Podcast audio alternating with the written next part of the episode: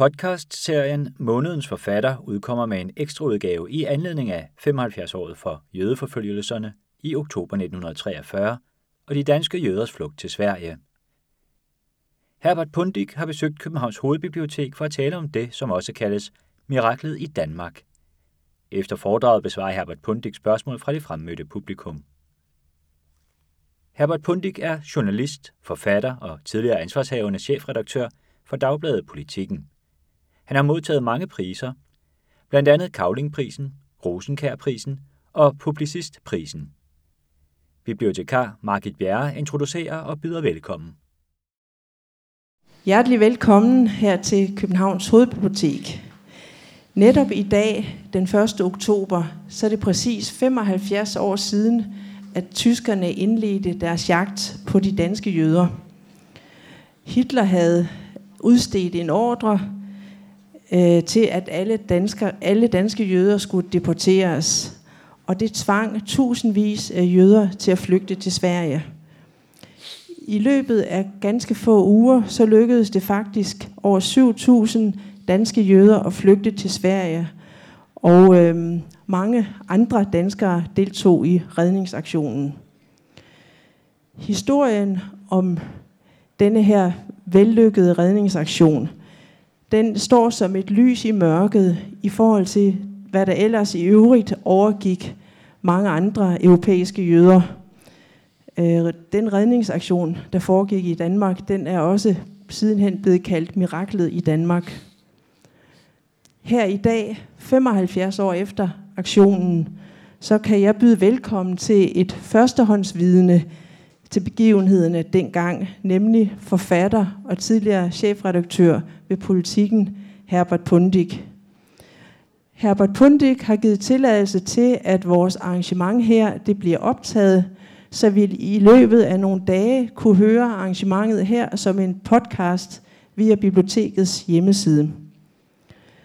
Vi har aftalt, at Herbert Pundik først holder sit foredrag, og derefter har I alle sammen mulighed for at stille spørgsmål. Og velkommen til dig, Herbert Pundik. Jeg er glad for, at du vil komme her hos os i dag og fortælle din historie. Ja.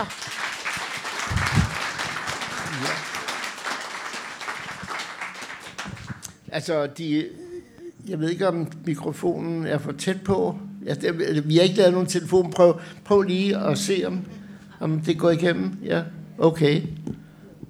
Er det godt? Er det godt? Okay, tak.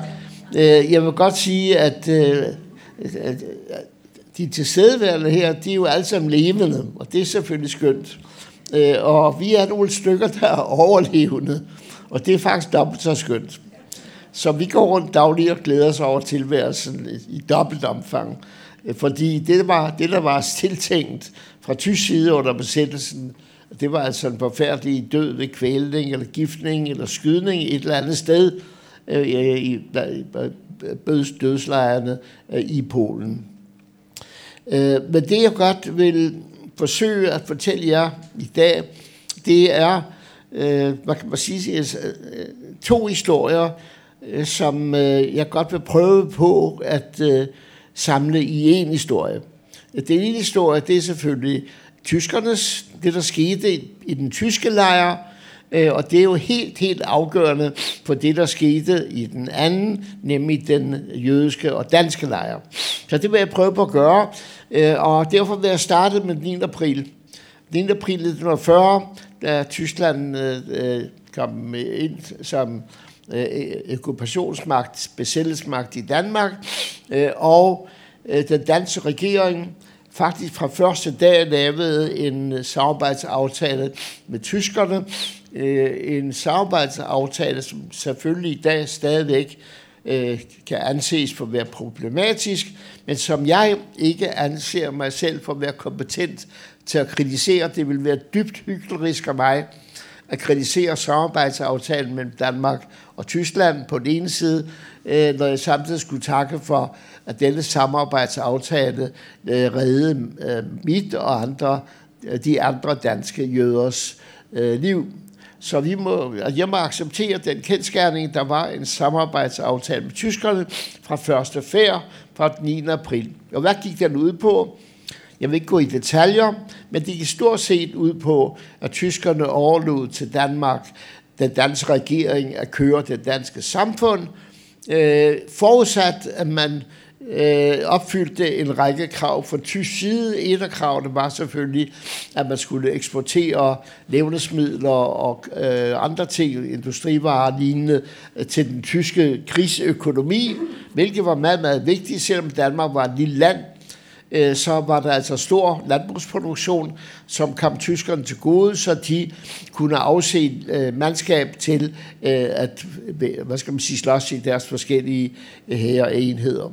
Så det var den ene ting. Den anden ting, det var, at fra dansk side var der også en række betingelser. Øh, og en af betingelserne var, at Danmark, den danske regering skulle have lov til at øh, styre det, der skete i Danmark. Det vil sige, at politiet fungerede, retsvæsenet fungerede. Øh, vi havde to valg i Danmark, så det parlamentariske lovgivningssystem fungerede også.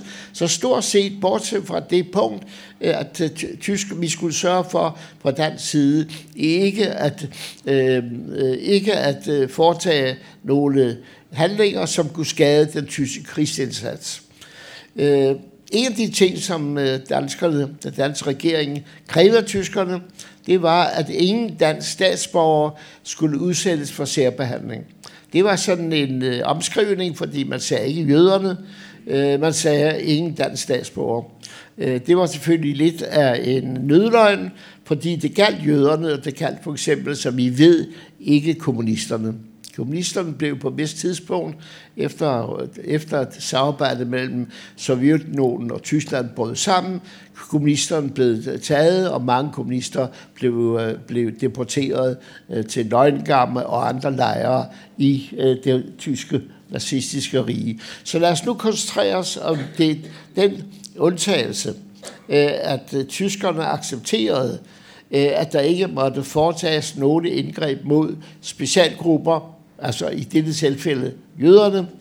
Øh, det kom til at betyde, at med tyskerne Altså når jeg siger tyskerne, jeg kan rigtig lide at bruge ordet tysker, fordi øh, tyskerne i dag er jo en helt anden slags end tyskerne dengang. Så jeg, jeg vil sige nazisterne. Øh, nazisterne øh, øh tillod de danske jøder 6-7.000 øh, at fortsætte en normal tilværelse. Mens tyskerne i det besatte Europa, øh, jeg vil slet ikke tale om Polen og Østeuropa, men også Frankrig og, og øh, Holland og Belgien og Norge, øh, for ikke at tale om de tyske jøder, øh, alle blev forfulgt, og i vidt omfang, som I ved, øh, man bruger tallet 6 millioner jøder, blev dræbt på den ene eller anden måde af tyskerne til sidst på industriel måde i store dødslejre, hvor de blev kvalt øh, i gaskammer. Men samtidig med den ulykke, der indtraf i forhold til det besatte Europas befolkninger øh, generelt, men specielt selvfølgelig for jøderne, som tyskerne, som nazisterne havde besluttet, simpelthen skulle udryddes.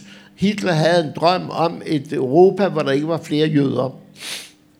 På det tidspunkt øh, Øh, var der øh, omkring i verden 15 millioner jøder, hvor de 12 millioner cirka boede øh, i, i Europa.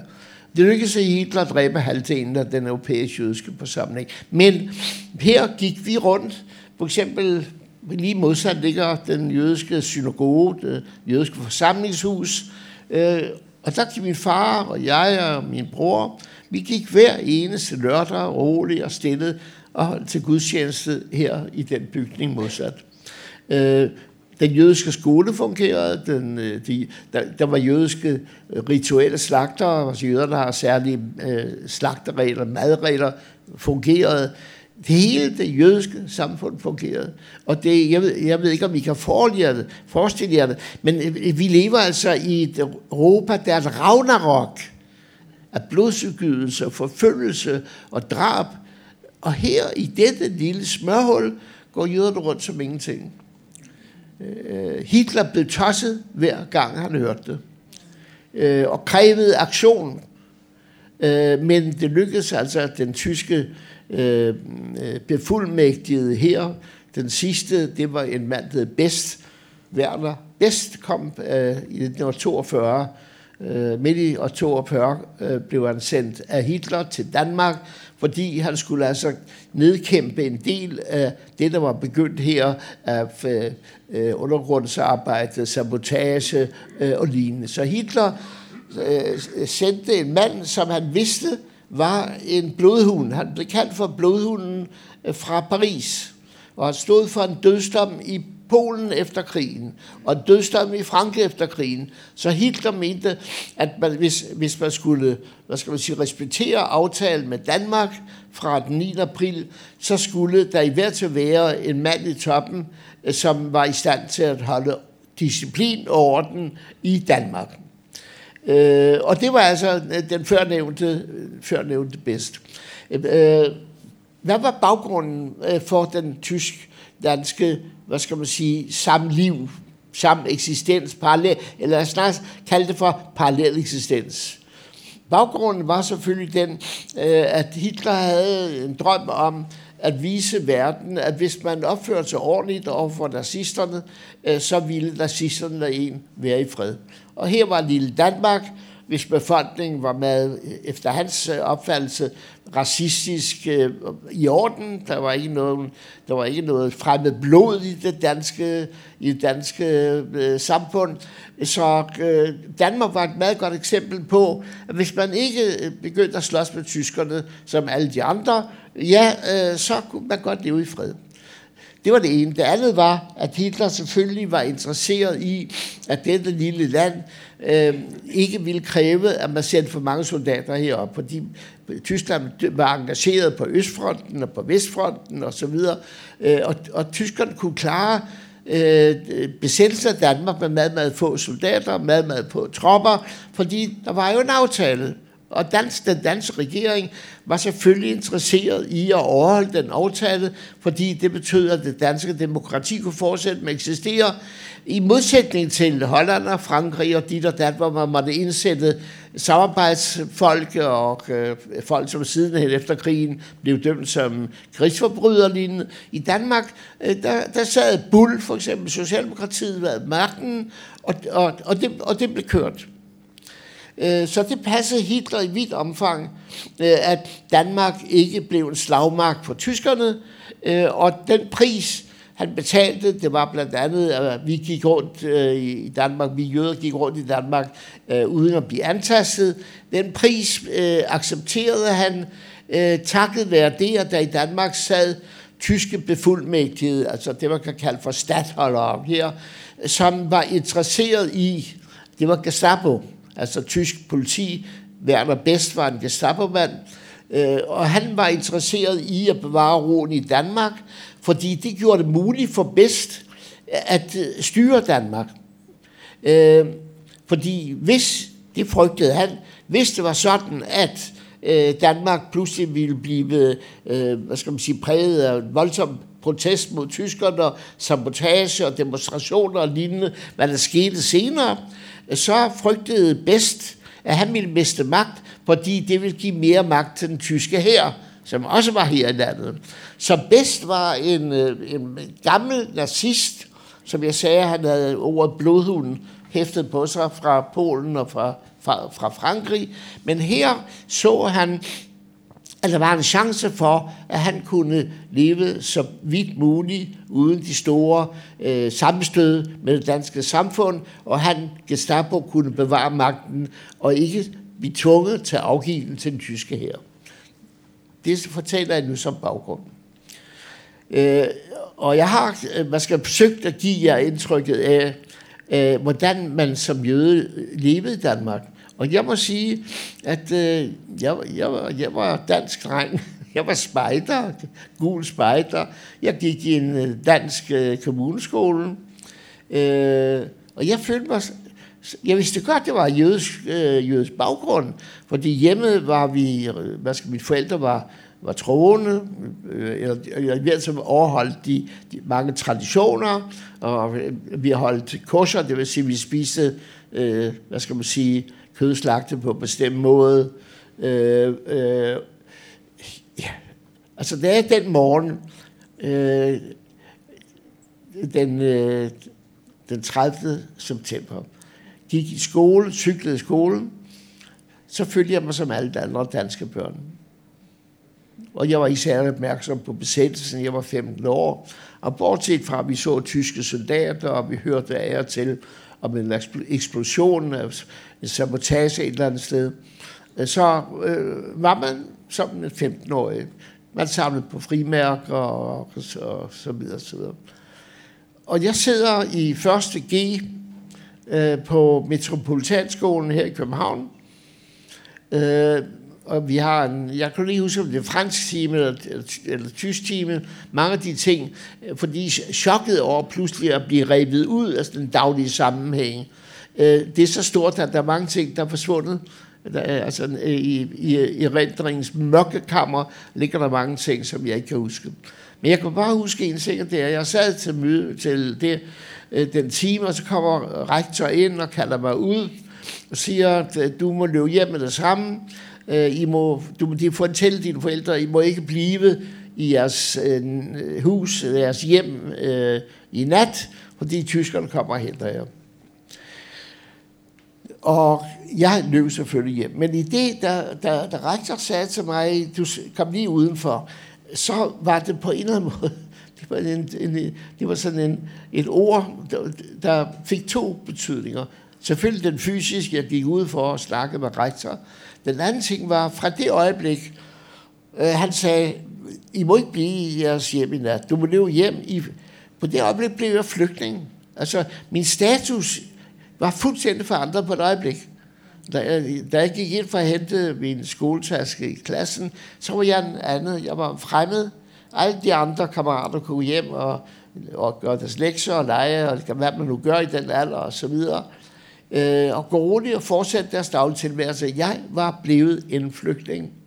Og det, jeg vil godt sige, det er ikke, jeg siger det ikke med lethed, øh, fordi øh, det er noget, der der, der, der, der sætter sig i din bevidsthed, og som du aldrig nogensinde kan arbejde ud af. En gang flygtning, altid flygtning. Fordi det chok er så stort, at øh, det, det er ikke til at overvinde i den bestand, at man kan sige, at ja, det går over. Nej, det går aldrig over. Men i hvert fald, jeg, jeg, løber, jeg løber hjem, øh, og mine forældre står øh, og venter med deres kufferter og små tasker uden for vores, øh, vores hjem, vores lejlighed på Østermo. Øh, og så starter flugten. Nu vil jeg godt lige spille tilbage og sige, hvad der sker. Nu har jeg fortalt dig, hvad der skete i dansk sammenhæng. Nu vil jeg godt lige fortælle, hvad der skete i, i tysk sammenhæng. I det øjeblik, da jeg flygtede. Hvad var der sket hos tyskerne? Der var sket det, at øh, på det første øh, var der begyndt at blive problemer i Danmark. Øh, den 29. august, kan I måske huske, 1943, blev der en øh, generalstrække, der startede i Odense og bredte sig til Aalborg og til København. En generalstrække, som var rettet mod tyskerne, øh, og som var et udtryk for, at den danske befolkning var i færd med at øh, miste tålmodigheden med at være underkastet den tyske besættelsesmagt på visse områder. Besættelses, øh, modstandsbevægelsen var begyndt at røre på sig. Flere og flere illegale blade, øh, flere og flere sabotagehandlinger, flere og flere protester osv. Så, så Danmark, det, den danske befolkning, var begyndt at røre på sig. Øh, og hvad medfører det? Det medfører den 29. august, efter der havde været store øh, demonstrationer, især i provinsen, men også i Danmark, i København. Der medførte, at øh, tyskerne øh, bedst øh, kaldte den danske regering til sig, øh, socialdemokratiske regering, og sagde, det, det går ikke det her, Øh, vi kræver nu af jer, I skal indføre øh, udgangsforbud, I skal indføre nødlåbe, I skal indføre dødstraf øh, for angreb på tyskerne osv. osv. En række ting, som bedst krævet af den danske regering. Den danske regering øh, fuldtonigt sagde nej til tyskerne. Øh, der var også formodentlig hos de danske politikere sket en proces, fordi man må ikke glemme, at ude omkring for Danmark, øh, der kæmpede de allierede mod tyskerne, og tyskerne havde mistet, hvad skal man sige, øh, offensiven, og, og der var ingen, der vidste, hvordan krigen ville ende, men der var ting, der tydede på, at de, at de allierede nu havde, havde taget sig sammen. Amerika var kommet ind i krigen, øh, og der havde været invasion i Italien, og Mussolini var faldet, og den, den tyske situation var ikke klar. Øh, så sikkert de danske, øh, de danske politikere mente sikkert også, at set ud fra deres egen karriere, var det måske meget smart nu at komme ud af det foretagende. Så den 29. august sagde den danske regering nej til tyskerne, øh, og så var, om man så må sige, klokken faldet i slag. Danmark var et besat land. Danmark samarbejdede ikke mere med tyskerne. Danmark var en fjende. Det var også vejen til, at Danmark blev accepteret som allieret efter krigen og var med til at etablere FN og så videre, og så videre. Så det var i mange henseender, mener jeg, et lykkeligt, øh, en lykkelig dato 29. august, hvor man besluttede sig til, at man ville ikke mere samarbejde med Hitler, og man tonede, man tonede flag. Jeg var lige ved at sige rent flag, det kunne der aldrig blive, for man havde samarbejdet i næsten øh, tre år, men man tonede flag i hvert fald. Øh, og så er det ikke bare øh, dansk regering, den danske regering, som er ude af billedet, men det, der var vores, øh, hvad skal man sige, øh, skjold mod at lide samme øh, skæbne, som jøderne i, i Norge havde gjort det året før, og jøderne i alle mulige andre besatte lande. Det skjold, nemlig samarbejdspolitikken, der var bygget på, at tyskerne var parate til at se igennem fingre med vores eksistens her, bare Danmark ville levere, hvad, hvad tyskerne ville kræve til deres krigsindsats. Det skjold var på mig. For set fra tysk side var der ikke mere nogen som helst grund til Øh, at øh, samarbejde med Danmark, eller danskerne løbet, og de danske jøder løbet, fordi øh, der var ikke mere nogen samarbejdsaftale. Der stod bare på den ene side den danske befolkning, der var mod tyskerne. Der var ikke nogen regering i Danmark. Tyskerne var nu totally in charge af den danske besættelse. Nu kunne slaget falde mod de danske jøder.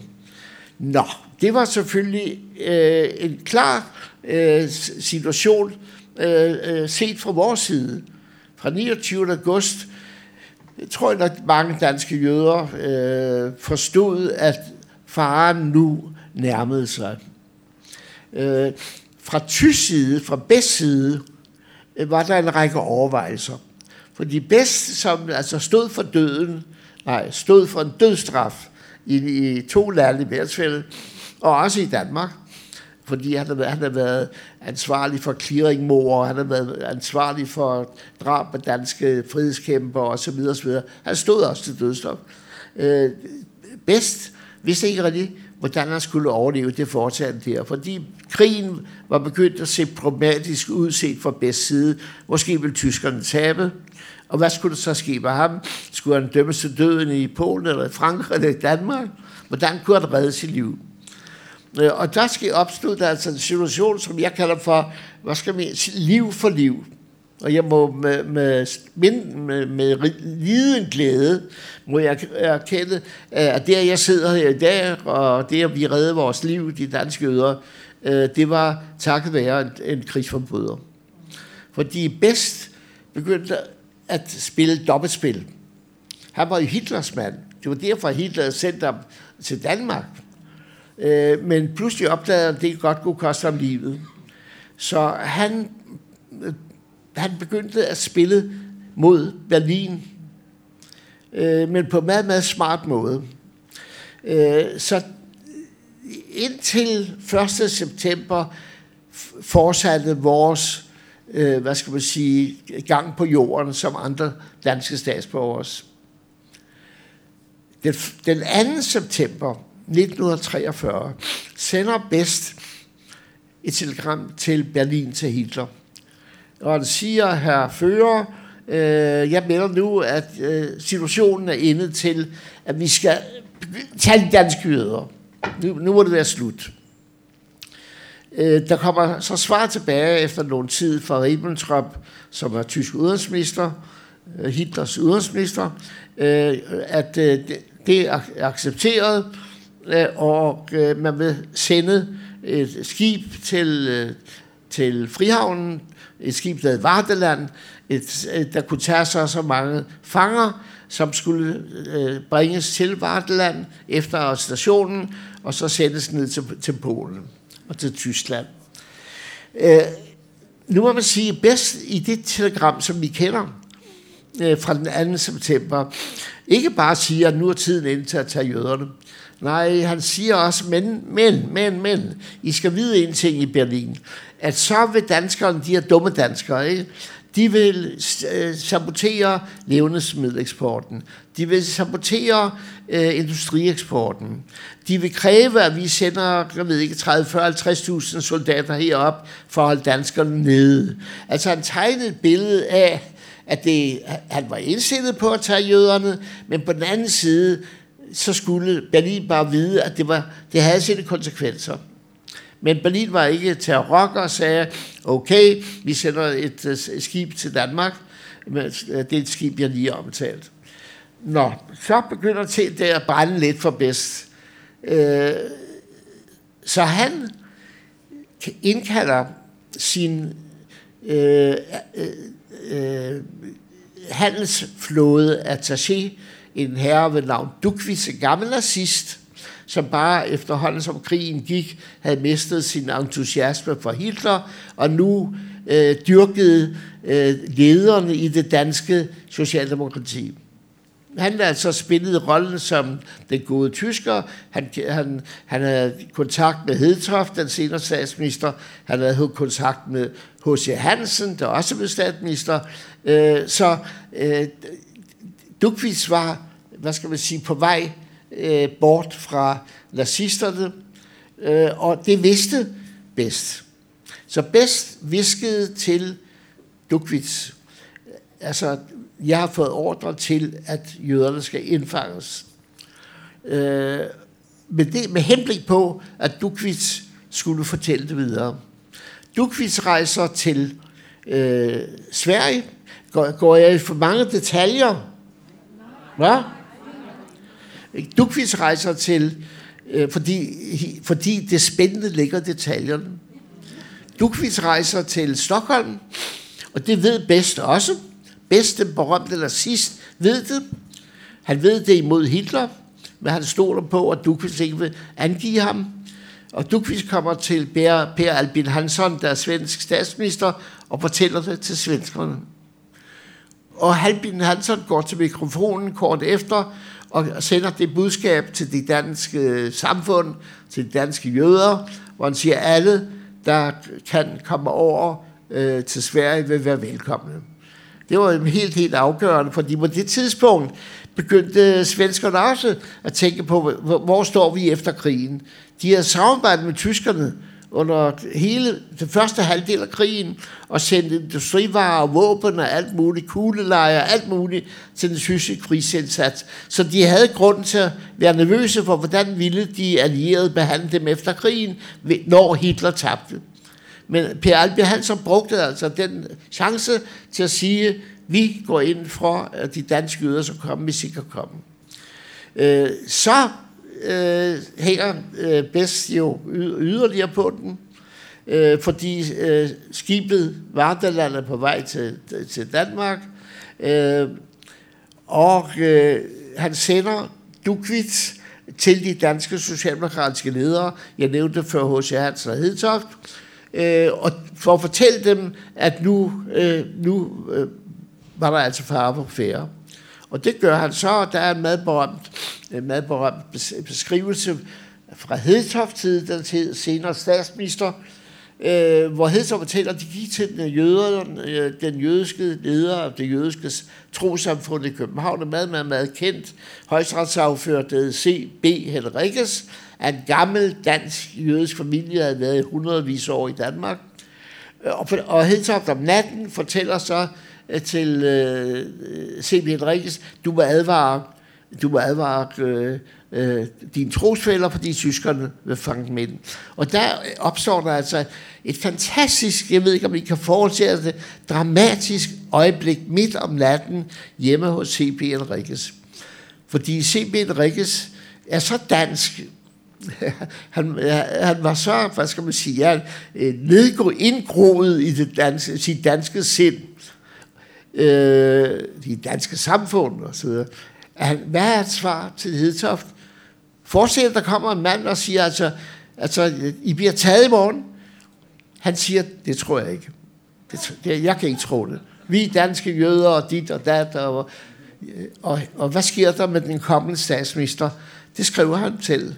Han bryder ud i gråd, øh, i desperation, frustration over, at her står han med den vigtigste advarsel til jøderne i Danmark, og der står deres første mand og siger, det kan ikke være.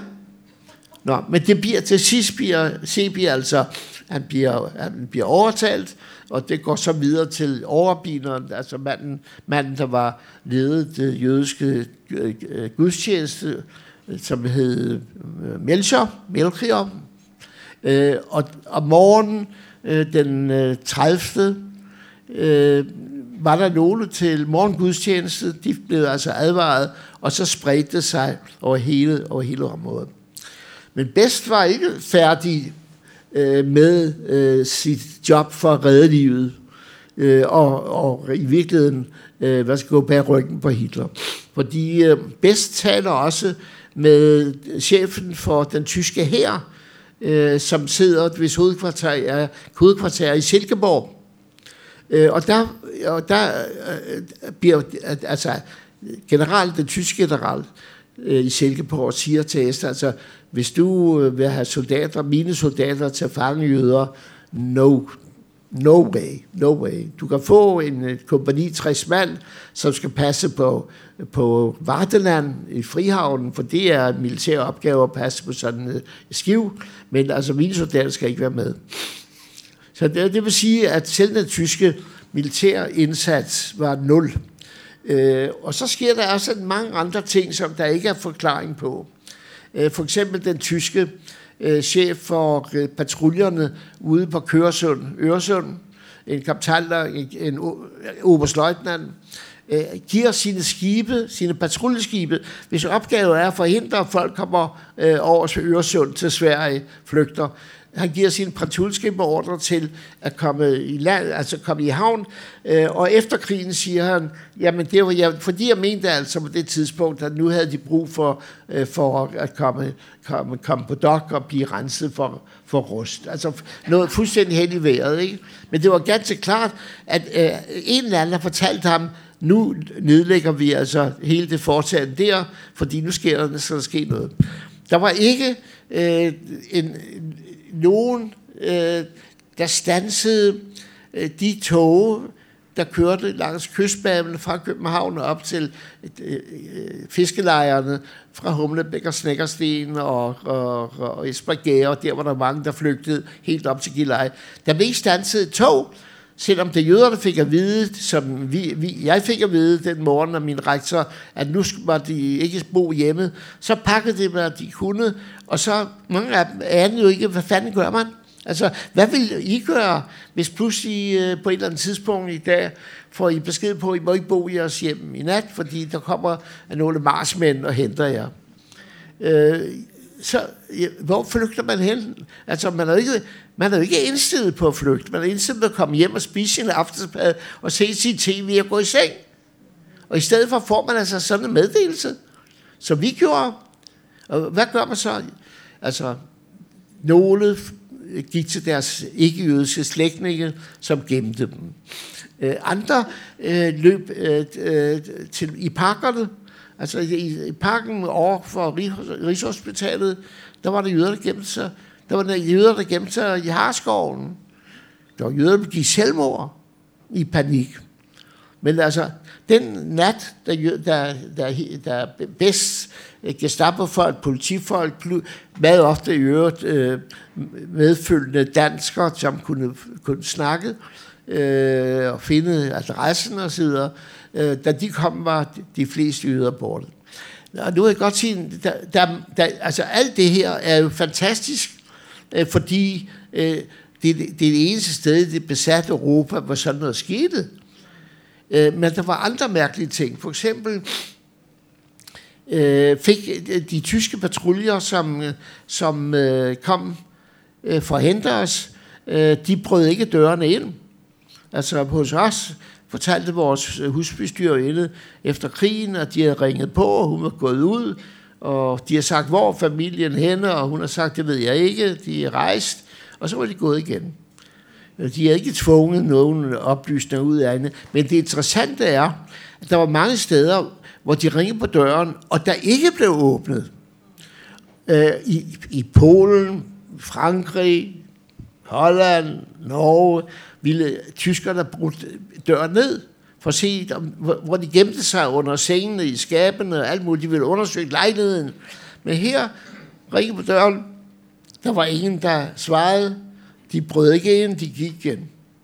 Og, altså, der var kommet en, en øh, øh besked oppefra, at sådan og sådan må I gøre, og sådan og sådan må I ikke gøre. Der var, der var jøder, der øh, så sov over, og sov over så, og ikke hørte telefonen ringe, eller døren ringe, øh, og simpelthen ikke åbnede, og næste morgen, da de stod op, øh, så opdagede de pludselig, at alle andre jøder var forsvundet, og de var stort set de sidste jøder i København. Men i hvert fald, øh, det der sker, hvis vi nu vender tilbage til, til flygtning min historie, det der skete var, at øh, jeg kom øh, hjem, og mine forældre, mine forældre stod og ventede på mig, utålmodigt, øh, og min far øh, fik, fik en taxa, forkværdig en taxa, og han anede ikke sin livnåde. Altså han, havde, han var far og mor, var der, og tre, tre børn. Hvad gør en far? Altså det er jo en kæmpe, kæmpe belastning. Pludselig ikke mere at være en almindelig dansk borger, men pludselig at være leder af, altså ansvarlig for, for en familie, øh, som, øh, som man skal beskytte. Nå, han, øh, der var ikke forberedt noget, men øh, øh, han kørte ud til, vi kørte ud til Holte, øh, og der var, havde min far en forretningsven, øh, jeg husker, at han gik, forlod taxaen, gik ind og ringede på i, i huset, og forsvandt og kom tilbage ganske kort efter og sagde, at jeg kom indenfor.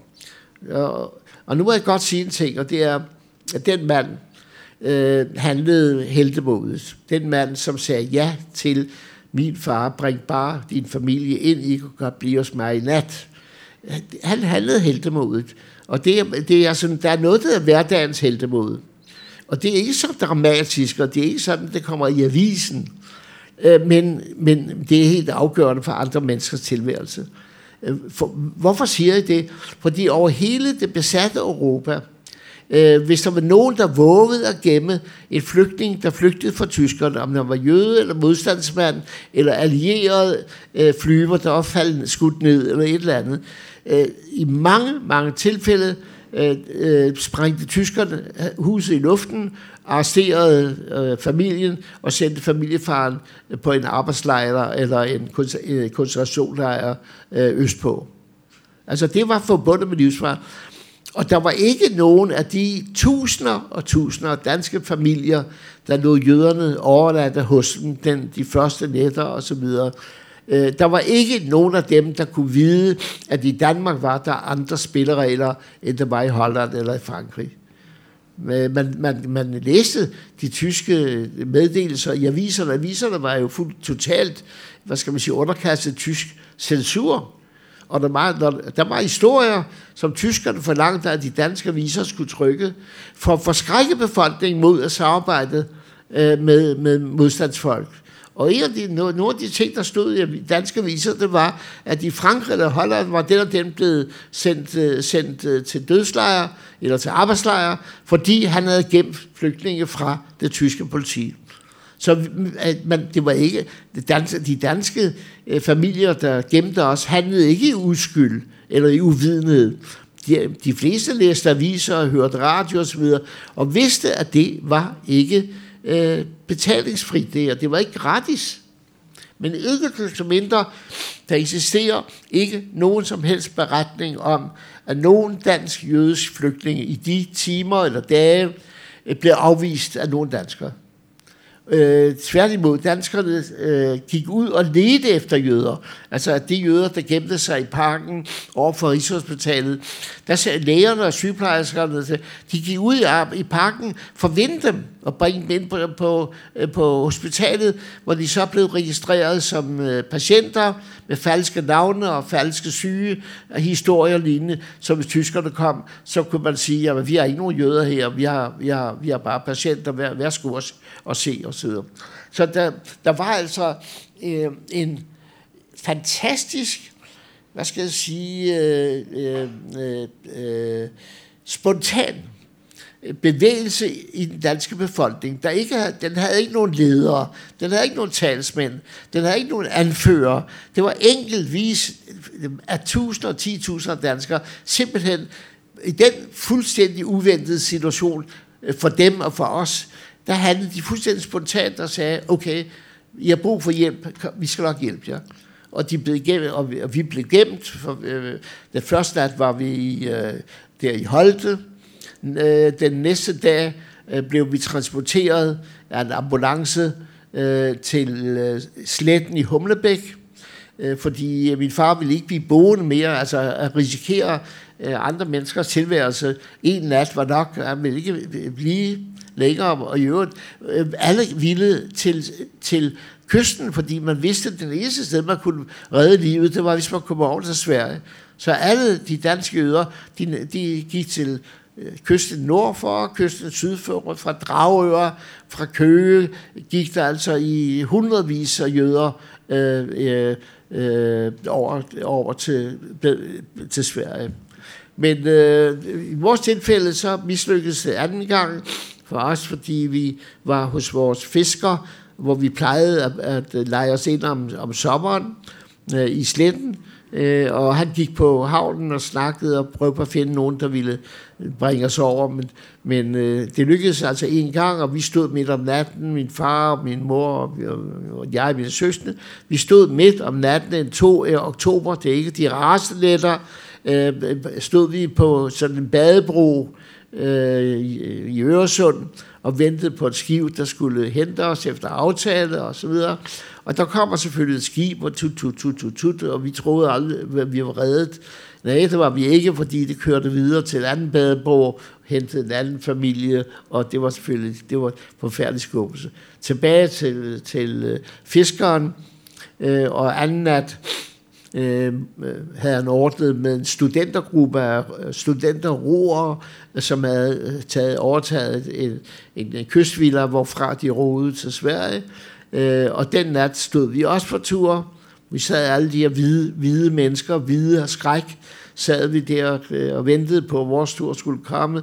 Og da den kom, så kom øh, studenten, der skulle ro og så kom ind, og så viser han sine blodige hænder. Det gælder jeg aldrig. Og sagde, jeg kan ikke mere. Jeg kan ikke mere. Okay, tilbage til fiskeren, og så sker der altså det helt fantastiske igen, at det, det banker på døren.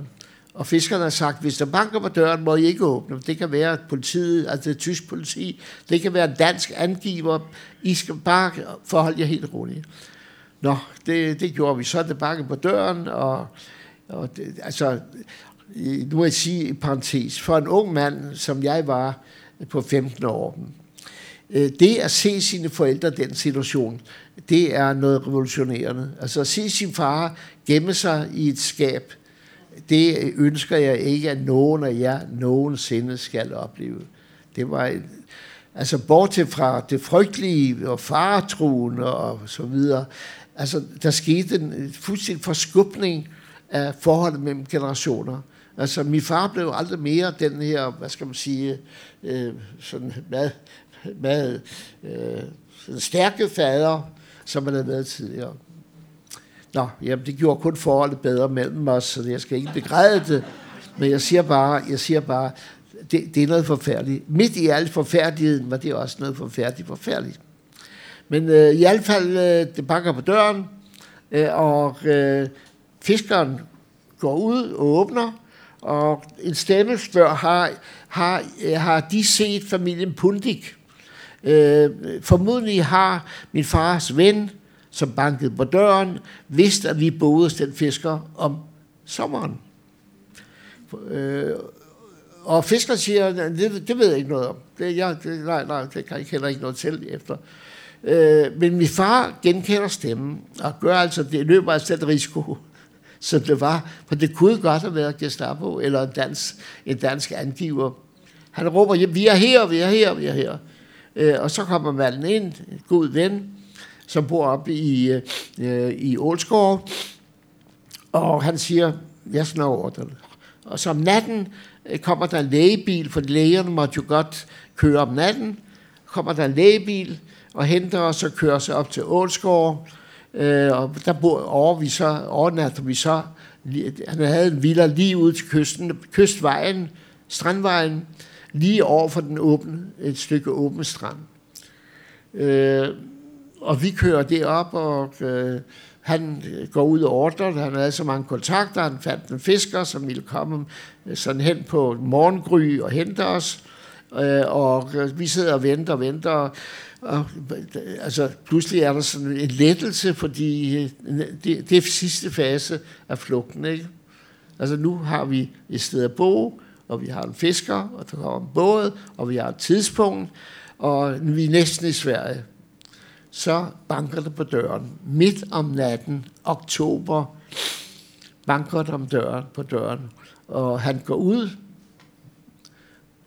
og vi hører sådan mandstemmer, som taler, og så lyder der pludselig et smæk med døren, og kommer ind igen, og så siger han, det var Gestapo.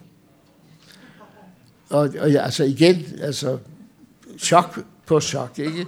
Fordi altså en ting er at blive taget af Gestapo, og det næste værste, det er at undslippe Gestapo i sidste øjeblik. Gestapo, det var døden. Øh, jeg må lige fortælle dig, jeg ved ikke, hvor meget tid der er tilbage. Ja, okay, fem minutter til. Øh, øh, jeg vil lige fortælle en lille historie om en, en af mine øh, kolleger på politikken. Han var chefredaktør før krigen. Han hed Koppel, Øh, og han var sådan en rigtig københavner-type, som en fuld af københavner, lidt, lidt halvfræk københavner-humor. Han var gift med en ikke kvinde, havde to børn.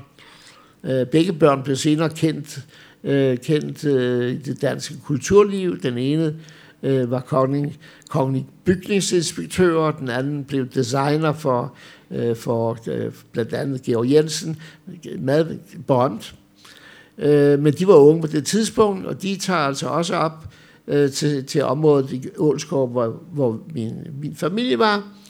Øh, og øh, der er nogen, der havde ordnet også en fisker til dem, og på et vist tidspunkt midt om natten, så får de altså besked på at løbe over strandvejen og ned til stranden. Og konen kommer over, og de to sønner kommer over, og min gamle kollega, Koppel, han bliver han er lidt, han er lidt dårlig til ben, så det går ikke så hurtigt. Midt på strandvejen bliver han fanget af øh, lygterne af en Mercedes-bil, sort Mercedes-bil, fortæller han. Den stanser, udspringer to gestapofolk og siger på tysk selvfølgelig, øh, hvad tun Sie her? Hvad gør de her? Og Koppel, som jo ikke vidste, hvad fanden, hvordan svarer var på sådan noget, han sagde, jeg flygter fra jer.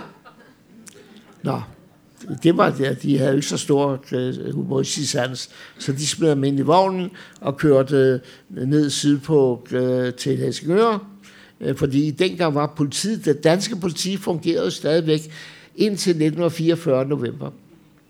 Øh, så tyskerne øh, afleverede ham på politistationen i Helsingør. Undervejs siger en af gestapo sådan til ham, sind Sie Jude? Er de, er de jøde? Og så siger Koppel meget forbindeligt, siger han, ja, und Sie? Men han, øh, han, øh, senere har han sagt, at han havde ikke noget at tabe. Altså, han troede, at han var færdig. Jeg kunne lige så godt være fræk, fræk som færdig, ikke? Øh, nej, men der sker selvfølgelig det, at de afleverer ham, som jeg sagde, på politistationen. Og, øh, Og både politiet, som var dansksindet selvfølgelig, øh, slap ham ud med en politibil og bagdøren. Han kom til København og, og øh, øh, tog hjem hvor han, til sit hjem. Konen og de to børn var allerede i Sverige øh, og, ved, og havde stort set opgivet. Han var en ældre mand, og han kunne sgu ikke løbe mere. Og det, så, Nå, så var der altså en hel masse venner, som vidste, at Koppel var vendt hjem, og ikke, i stedet for at han skulle være i Sverige, så sad han her i København. Øh, så de øh, fik fat i øh, en dansker, en politiformægtig, der hed Leifert, som var øh, forbindelsesmanden mellem det danske politi øh, og det tyske og justitsministeriet. Og han var altså, ja, efter krigen havde han noget vanskelighed, fordi han havde, han havde arbejdet med, med tyskerne selvfølgelig, men på dansk politis opfordring. I alle fald, han, man overtalte ham til at gå til tyskerne og bede dem om at give ham øh, kobbel eller afsvejs, altså en udrejstilladelse. Øh, øh, og det gav tyskerne, og kobbel, som havde øh, brugt 10.000 kroner for at komme over til Sverige. Han tog tog op til øh, Helsingør, øh, fik en billet til, fra Helsingør til Helsingborg på 2,5 kroner, øh, og så sejlede, sejlede han over og blev så i, i Sverige over hele krigen.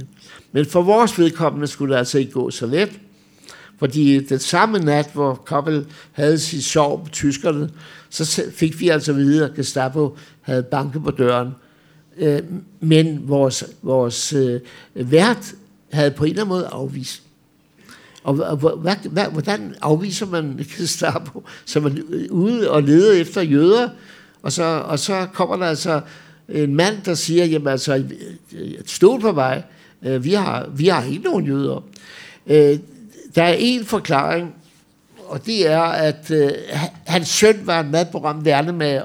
Han byggede, han byggede for tyskerne øh, på vestkysten øh, øh, alle mulige former for betonting og så fordi tyskerne var bange for, at englænderne ville starte øh, en invasion øh, i Danmark, for det derfra, nordfra kunne støde ind i Tyskland.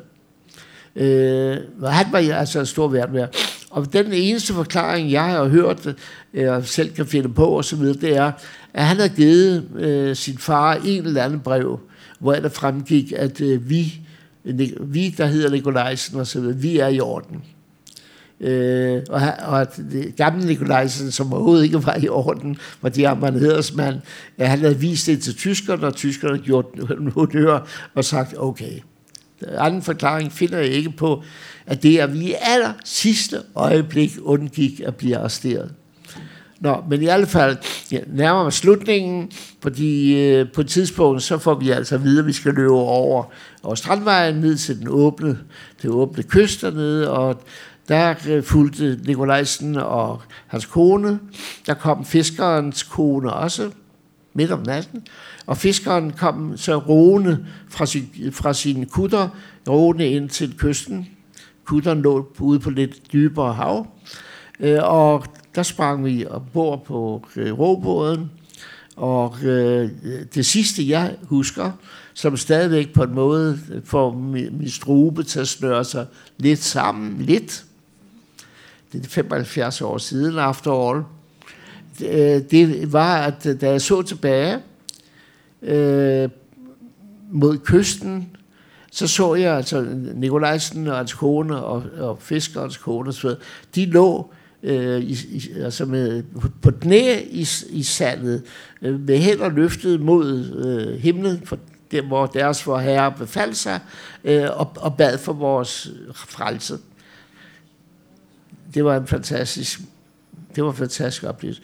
Nå, men i hvert fald, øh, vi kommer til kutteren og går ombord, og øh, det begynder at sejle, og der er også nogle andre jøder med, øh, og øh, ja, altså en af dem begyndte at øh, bede øh, bønder på hebraisk, og øh, altså, det, det var ikke godt forholde, man ligger, ligger i bunden af en kutter, øh, der stank det øvrigt af fisk selvfølgelig, øh, og øh, ja, det sidste fase er en forfærdelig belastende 3-4 dage, fra det øjeblik, da rektor kom ind og bankede på døren. Nå, men jeg har talt lidt over tid, men jeg vil godt lige afslutte med, med en, enkelt, øh, en enkelt eller to bemærkninger. Den ene bemærkning er, altså, øh, hvorfor, hvorfor blev vi reddet? Og man må sige, at øh, Øh, der var en række omstændigheder, så mange omstændigheder, der på en eller anden måde øh, fandt hinanden i et fælles forløb i netop de dage der, og i de, de, de timer, som gjorde altså den store forskel. Det er på den ene side, at øh, øh Best besluttede sig for at forsøge at redde sit liv ved at redde vores liv. Altså, det var, det var fantastisk og helt noget, noget helt, helt, helt usædvanligt. Ikke? Øh, det andet, det var, at den danske befolkning øh, faktisk øh, fuldstændig øh, uden nogen organisation handlede fuldstændig, hvad skal man sige, afslappet, frit og så videre, og sagde, der er brug for os hjælp, vi er til hjælp. Det er en af de ting, vi kan vi bør tænke med over, fordi øh, jeg, jeg har oplevet for mange øh, ideologiers sammenbrud. Jeg, jeg, en overgang, så, så var vi en, en del der lige efter krigen, som troede måske, at der kom noget godt ud af Rusland. Det gjorde det ikke. Øh, der var nogen, der tidligere troede, der kom noget godt ud af nazismen. Det gjorde det ikke. Øh, jeg troede meget efter krigen på, på sionismen, altså jødernes ønske om at øh, få deres egen øh, stat. Det er også begyndt, det er, de har fået en stat, og det er meget, meget, meget vigtigt, for nu kan der ikke nogen flere, der kan løbe efter jøder. Jøder kan altid komme til, jøder, der føler sig fuld, kan altid komme til Israel. Så Israel står som, hvad skal man sige, en, en, åben, en åben land, der tillader alle folk, der har bare lidt jødisk baggrund, bedstefar, bedstemor osv., Israel står åben for dem. Så der er ikke nogen jøde, der i dag skal banke på nogen øh, dør hos en eller anden åndssvag konsul og, og bønfalde om at få et visum til et eller andet åndssvagt sydafrika- sydamerikansk land, og for at vide, at nej, der er desværre ikke plads. Altså nu, det, det jødiske, som for mig var det helt afgørende, det jødiske flygtningeproblem er løst med Israels oprettelse. Der, hvor jeg føler mig skuffet derover, at de politiske tendenser, der nu øh, eksisterer øh, i et Israel, der har en regering, som mange henseender øh, jeg anser for at være ujødisk. Men det, der ikke nok er ved, øh, for mig er det vigtigste, er en stat, så der ikke jøderne tilstanden som flygtninge igennem 2000 år. Øh, den er ophørt. Altså, det, det, det er helt klart for mig, at flygtninge øh, temaet går som en rød tråd gennem i, jødisk historie. Og bare tag øh, mit eksempel. Min bedstfar kom til Danmark for 110 år siden på flugt øh, fra antisemitter og jødehader i Ukraine. Og min far måtte flygte fra jødehader i Danmark. Jeg måtte også. Altså, flugten er for, jøde, for jøderne har indtil nu været en, en, en naturtilstand. Det er det ikke mere. Nu er der en Israel og en venner, der føler, at han er i, i fare for et eller andet, altså i forbindelse med hans oprindelse, eller hans religion, kan rejse til Israel.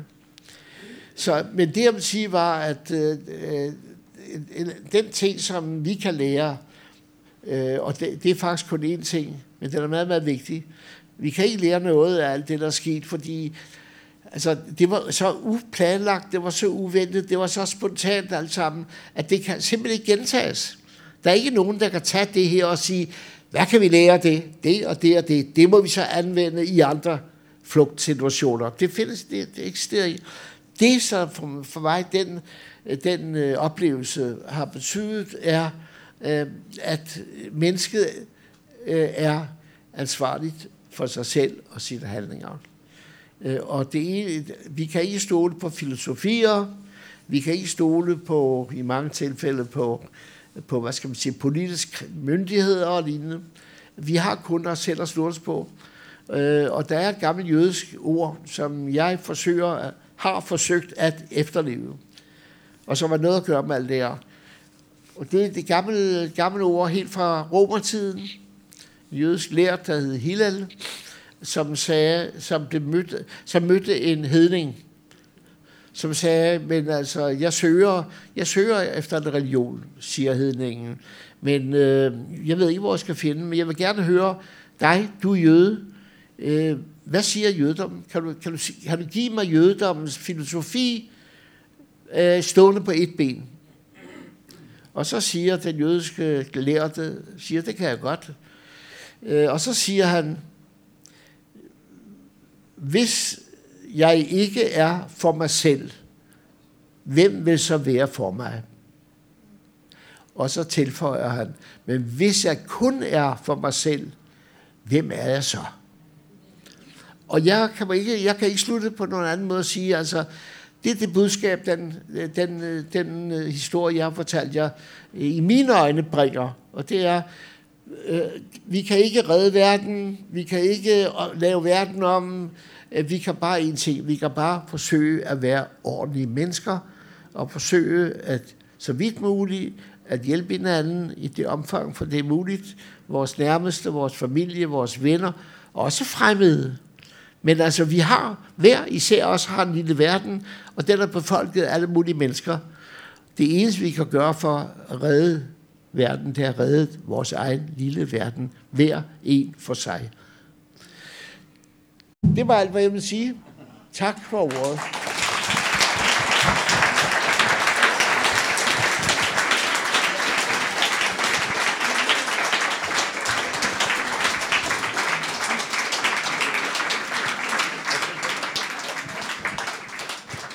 Og så er vi kommet til spørgerunden. Er der nogen, der har lyst til at... Må, må jeg lige ja. sige, at grundet min tunghørighed, så vil jeg godt bede dig om at øh, øh, gentage spørgsmålene. Ja. Og så må I være så venlige at stille spørgsmål, så hun ikke glemmer halvdelen undervejs. Der var jo tre faktorer, der gjorde, at jøderne blev valgt. Det var den, at uh, Sverige tog jo imod der var ikke nogen lukkede grænser der. For, Hvornår Sverige? Ja, lukket op for, de danske jøder det, kunne komme. Det var lige altså, inden, jeg, ikke? Jeg, har, jeg har ikke nogen dato, Nej. men øh, altså, vi kan bare regne ud, øh, at øh, Best sendte sit telegram til Hitler den 2. september, og så fik jeg omkring den, øh, en uge efter, fik han svar fra Berlin, ja, det er i orden, kør, kør los. Øh, og så rejser i, i den periode, der taler om det, altså efter 10. september, rejser Dukvist til Per Albin Hansson og taler med ham og kommer tilbage øh, og henvender sig så til Hedtoft. Så det er et spørgsmål, altså et par uger, de er på par uger, der ligger øh, imellem, skal man sige, den, den øh, 10. imellem den 10. september øh, og øh, den 1. Øh, oktober, stort set. Ja, tak. Var det din situation som flygtning, der gjorde, at du flyttede til Israel senere, for ikke at blive flygtning igen? Det var nu sørme et godt spørgsmål. Altså, jeg ved ikke, om øh, resten af forsamlingen hørte det, men spørgsmålet var, om den, øh, den flygtninge øh, psykose, episode, trauma, kald det hvad I vil, som øh, vi øh, undergik i de oktoberdage der, om det var det bidrag til, at øh, min kone og jeg i 1954 Øh, bosatte os i Israel. Nu må jeg sige, at der, er et, der, er, der er et mellems, mellemspil, fordi øh, da vi kom, vi kom hjem fra Sverige øh, som medlemmer af det, der hed den danske brigade, det var en her afdeling på 5.000 danske soldater, som var mobiliseret blandt de 25.000 danske flygtninge, der var i Sverige, øh, bevæbnet med svenske våben, og vi kom til Danmark på befrielsesdagen.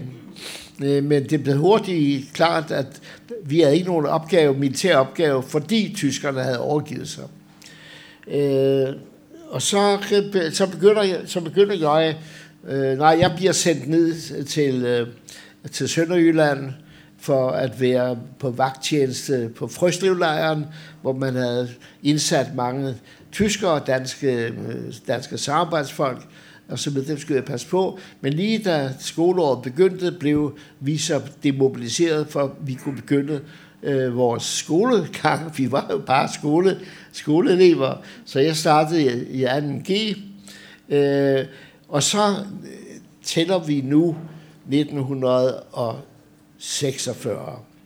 Og 1946 bliver jeg, og ikke bare jeg, men andre, øh, opmærksom på, at der sker noget nede i Palæstina, hvor, øh, øh, hvor de jøderne, som der dengang var cirka halv million jøder, øh, sloges øh, mod englænderne, som var besættelsesmagten, eller hvad man kan kalde for øh, kolonimagten i Palæstina. Øh, og, og jøderne øh, ville have, at englænderne skulle tillade indvandring af overlevende jøder fra Europa. Vi taler altså om 1946, et år efter krigen. Der var der stadigvæk måske 150.000 overlevende jøder, øh, som var i flygtningelejre, store flygtningelejre i Tyskland og i Frankrig og i Italien, øh, som ingen ville have. Det var den triste afslutning på hele den jødiske historie i, i, i, i Europa øh, at der var ingen, der ville have den. Øh, og, de, og de kunne ikke blive i Europa. Øh, så de ville bare til et sted. De ville helst ikke til Israel, det er da klart.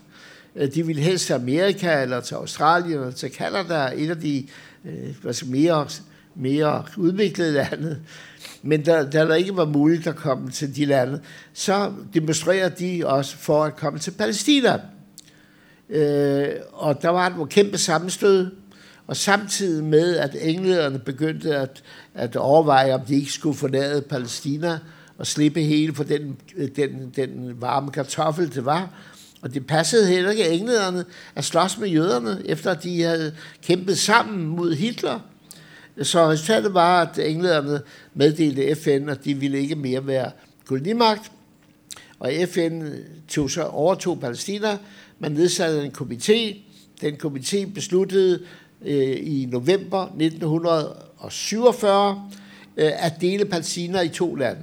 Halvdelen skulle være jødisk, halvdelen skulle være, skulle være arabisk. Dengang hed det arabisk, der var ikke noget, der hed palæstinenser dengang. Øh, arabisk. Og de arabiske lande øh, protesterede og troede med krig, øh, og vi nærmer os altså tidspunktet, hvor Øh, øh, øh, England ville forlade Palæstina, øh, og den dag ville jøderne så proklamere deres egen stat i overensstemmelse med det, som FN generalforsamling havde besluttet den øh, 14. 15. maj 1948. Så der var altså nogle måneder der, øh, hvor der var, øh, der var uro blandt mellem jøderne og englænderne, Øh, men især var der altså en optrapning fra arabisk side af herrer, som truede med at marchere ind i den jødiske del af Palæstina den 15. 14. 15. maj 1948. Og der sidder vi altså, øh, danske, unge danske jøder, vi har fået en militær uddannelse øh, i brigaden, øh, og ser, det sker dernede, og jeg, jeg, altså jeg må sige, personligt, Øh, følte jeg, efter at jeg havde fået min studentereksamen og begyndt at studere på universitetet, jeg, jeg følte ikke, at jeg kunne sidde fuldstændig roligt som mine, mine, mine studiekammerater og sige, krigen er forbi, maj er skøn den måned, lad os, lad, os, lad os glæde os. Jeg kunne ikke sidde og glæde mig, når jeg vidste, at mine trosfælder kæmpede øh, eller ventede på øh, en kamp med arbejdet, og der kun var øh, på det tidspunkt 600 600.000, 650.000 jøder, og, og, og frygt, altså frygten for, at først var der røget 6 millioner jøder i, i Hitlers gaskammer, og nu skulle arbejde også og dræbe resten. Det kunne jeg altså ikke holde ud at tænke på. Og så lavede vi en gruppe af frivillige, som rejste til øh, i Palæstina dengang, det var før Israel, og meldte os som frivillige i hæren. Og eller, det var, det var dengang var det ikke her, det var modstandsbevægelse, og sagde, at vi kommer for at hjælpe. Og der var vi 40 danskere, som gik med, og heldigvis efter et år krig øh, var der kun tre, der blev voldsomt såret, og der var ingen, der blev ingen dræbt, der var en, der var dræbt tidligere, men altså, ja, de 40 var der en dræbt, og vi vendte alle sammen hjem. Øh, og jeg var faktisk, når du stiller spørgsmålet, jeg var indstillet på at vende tilbage til Danmark, og øh, hvor, hvorfor skulle jeg forlade Danmark? Øh, nu havde jøderne fået deres land, nu behøvede jeg ikke bekymre mig. Det var altså en bekymring, det lyder mærkeligt, ikke? Men jeg tænker på, altså man må sætte sig tilbage til situationen efter 2. verdenskrig, hvor vi pludselig opdagede, at vi så et film fra dødslejrene, og det, det var forfærdeligt. Altså se alle vores øh, trosfælder, nu, nu er jeg ikke troende, men, øh, men skal vi sige stammefælder, øh, som muslimænd. Det, det var forfærdeligt. Så, så, så da, da, da vi rejste til Israel, så var det ude for den betragtning, altså, det må aldrig ske mere, det her. Især ikke i, i Palæstina. Men, da, men da de jøderne nu havde fået deres eget land, øh, og i dag er I klar over, at, øh, nu skal jeg ikke holde foredrag om Palæstina og Israel, men altså Israel, som i 1948-49 stod over for fald, da de arabiske hære begyndte at marchere ind øh, mod den jødiske stat, der sagde Feldmarschall Montgomery, som I husker var chefen for de engelske styrker, han udtalte, at jøderne have had det. De har ingen chance. Og det var klart, for der var kun en halv million øh, øh, øh, på det tidspunkt, måske 56.000 jøder. Og, og, det, altså, det var en farlig situation. Men, men alle mange forskellige grunde, som, som er en helt andet foredrag, øh, hvad, øh, tabte araberne. Altså, jeg siger, at jøderne vandt. Ja, ja, det er rigtigt. Araberne tabte. Simpelthen. Ægypterne tabte, og syrerne løb hjem, og libaneserne holdt op, og, og det, det, der blev et våbenhvile efter et år. Men øh, i dag er Israel ifølge alle mulige internationale vurderinger den 8. stærkeste militærmagt i verden. Så de, den, jødiske, den jødiske stat er sikret i hoved og i røv. Simpelthen. Altså, jeg behøver ikke bekymre mig mere om Israels fremtid. Jøderne har en stat. Der kan de altid løbe til, hvis de ikke tør være der, hvor de er. Øh, og da jeg kom hjem, der følte jeg øh, altså en stor lettelse, en byrde, der var faldet fra mine skuldre. Altså, jeg havde ikke noget ansvar for jødefolket mere. Nu havde det klaret sig selv. Nu kan jeg altså gifte mig og skille mig. Det gør de fleste jo. Øh, og, og slå, slå rod i Danmark, og, og, og, og sådan. Ikke? Men det skulle som altid gå anderledes. Man siger, at mennesket rår, Øh, og det gør det, og det tror jeg, det, er at tingene er afsluttet, for det, men ikke i mit tilfælde, for der kom altså en mand øh, fra Palæstina, en højtstående øh, funktionær, øh, og øh, jeg mødte ham hos mine forældre, og han sagde, hvad laver du?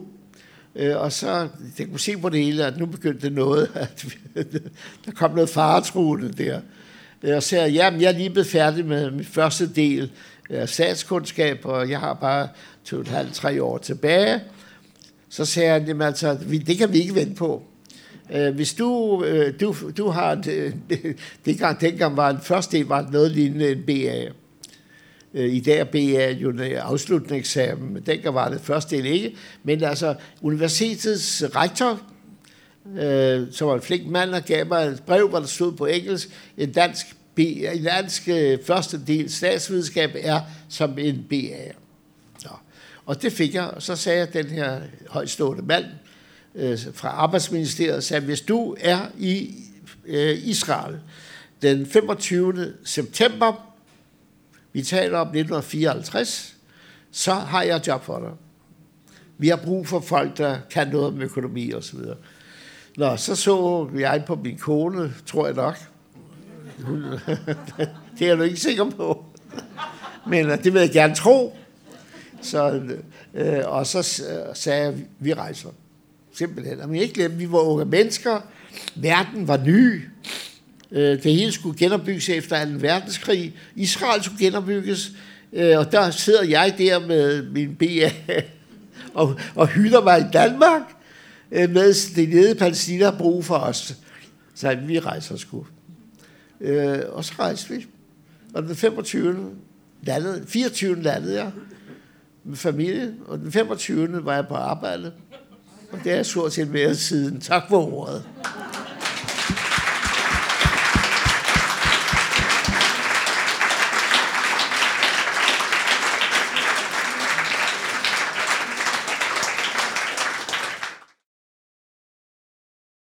Du har lyttet til en podcast fra Københavns Biblioteker.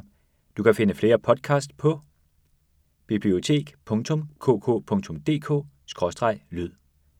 Eller skriv månedens forfatter i søgefeltet i iTunes, din podcast-app eller på Spotify.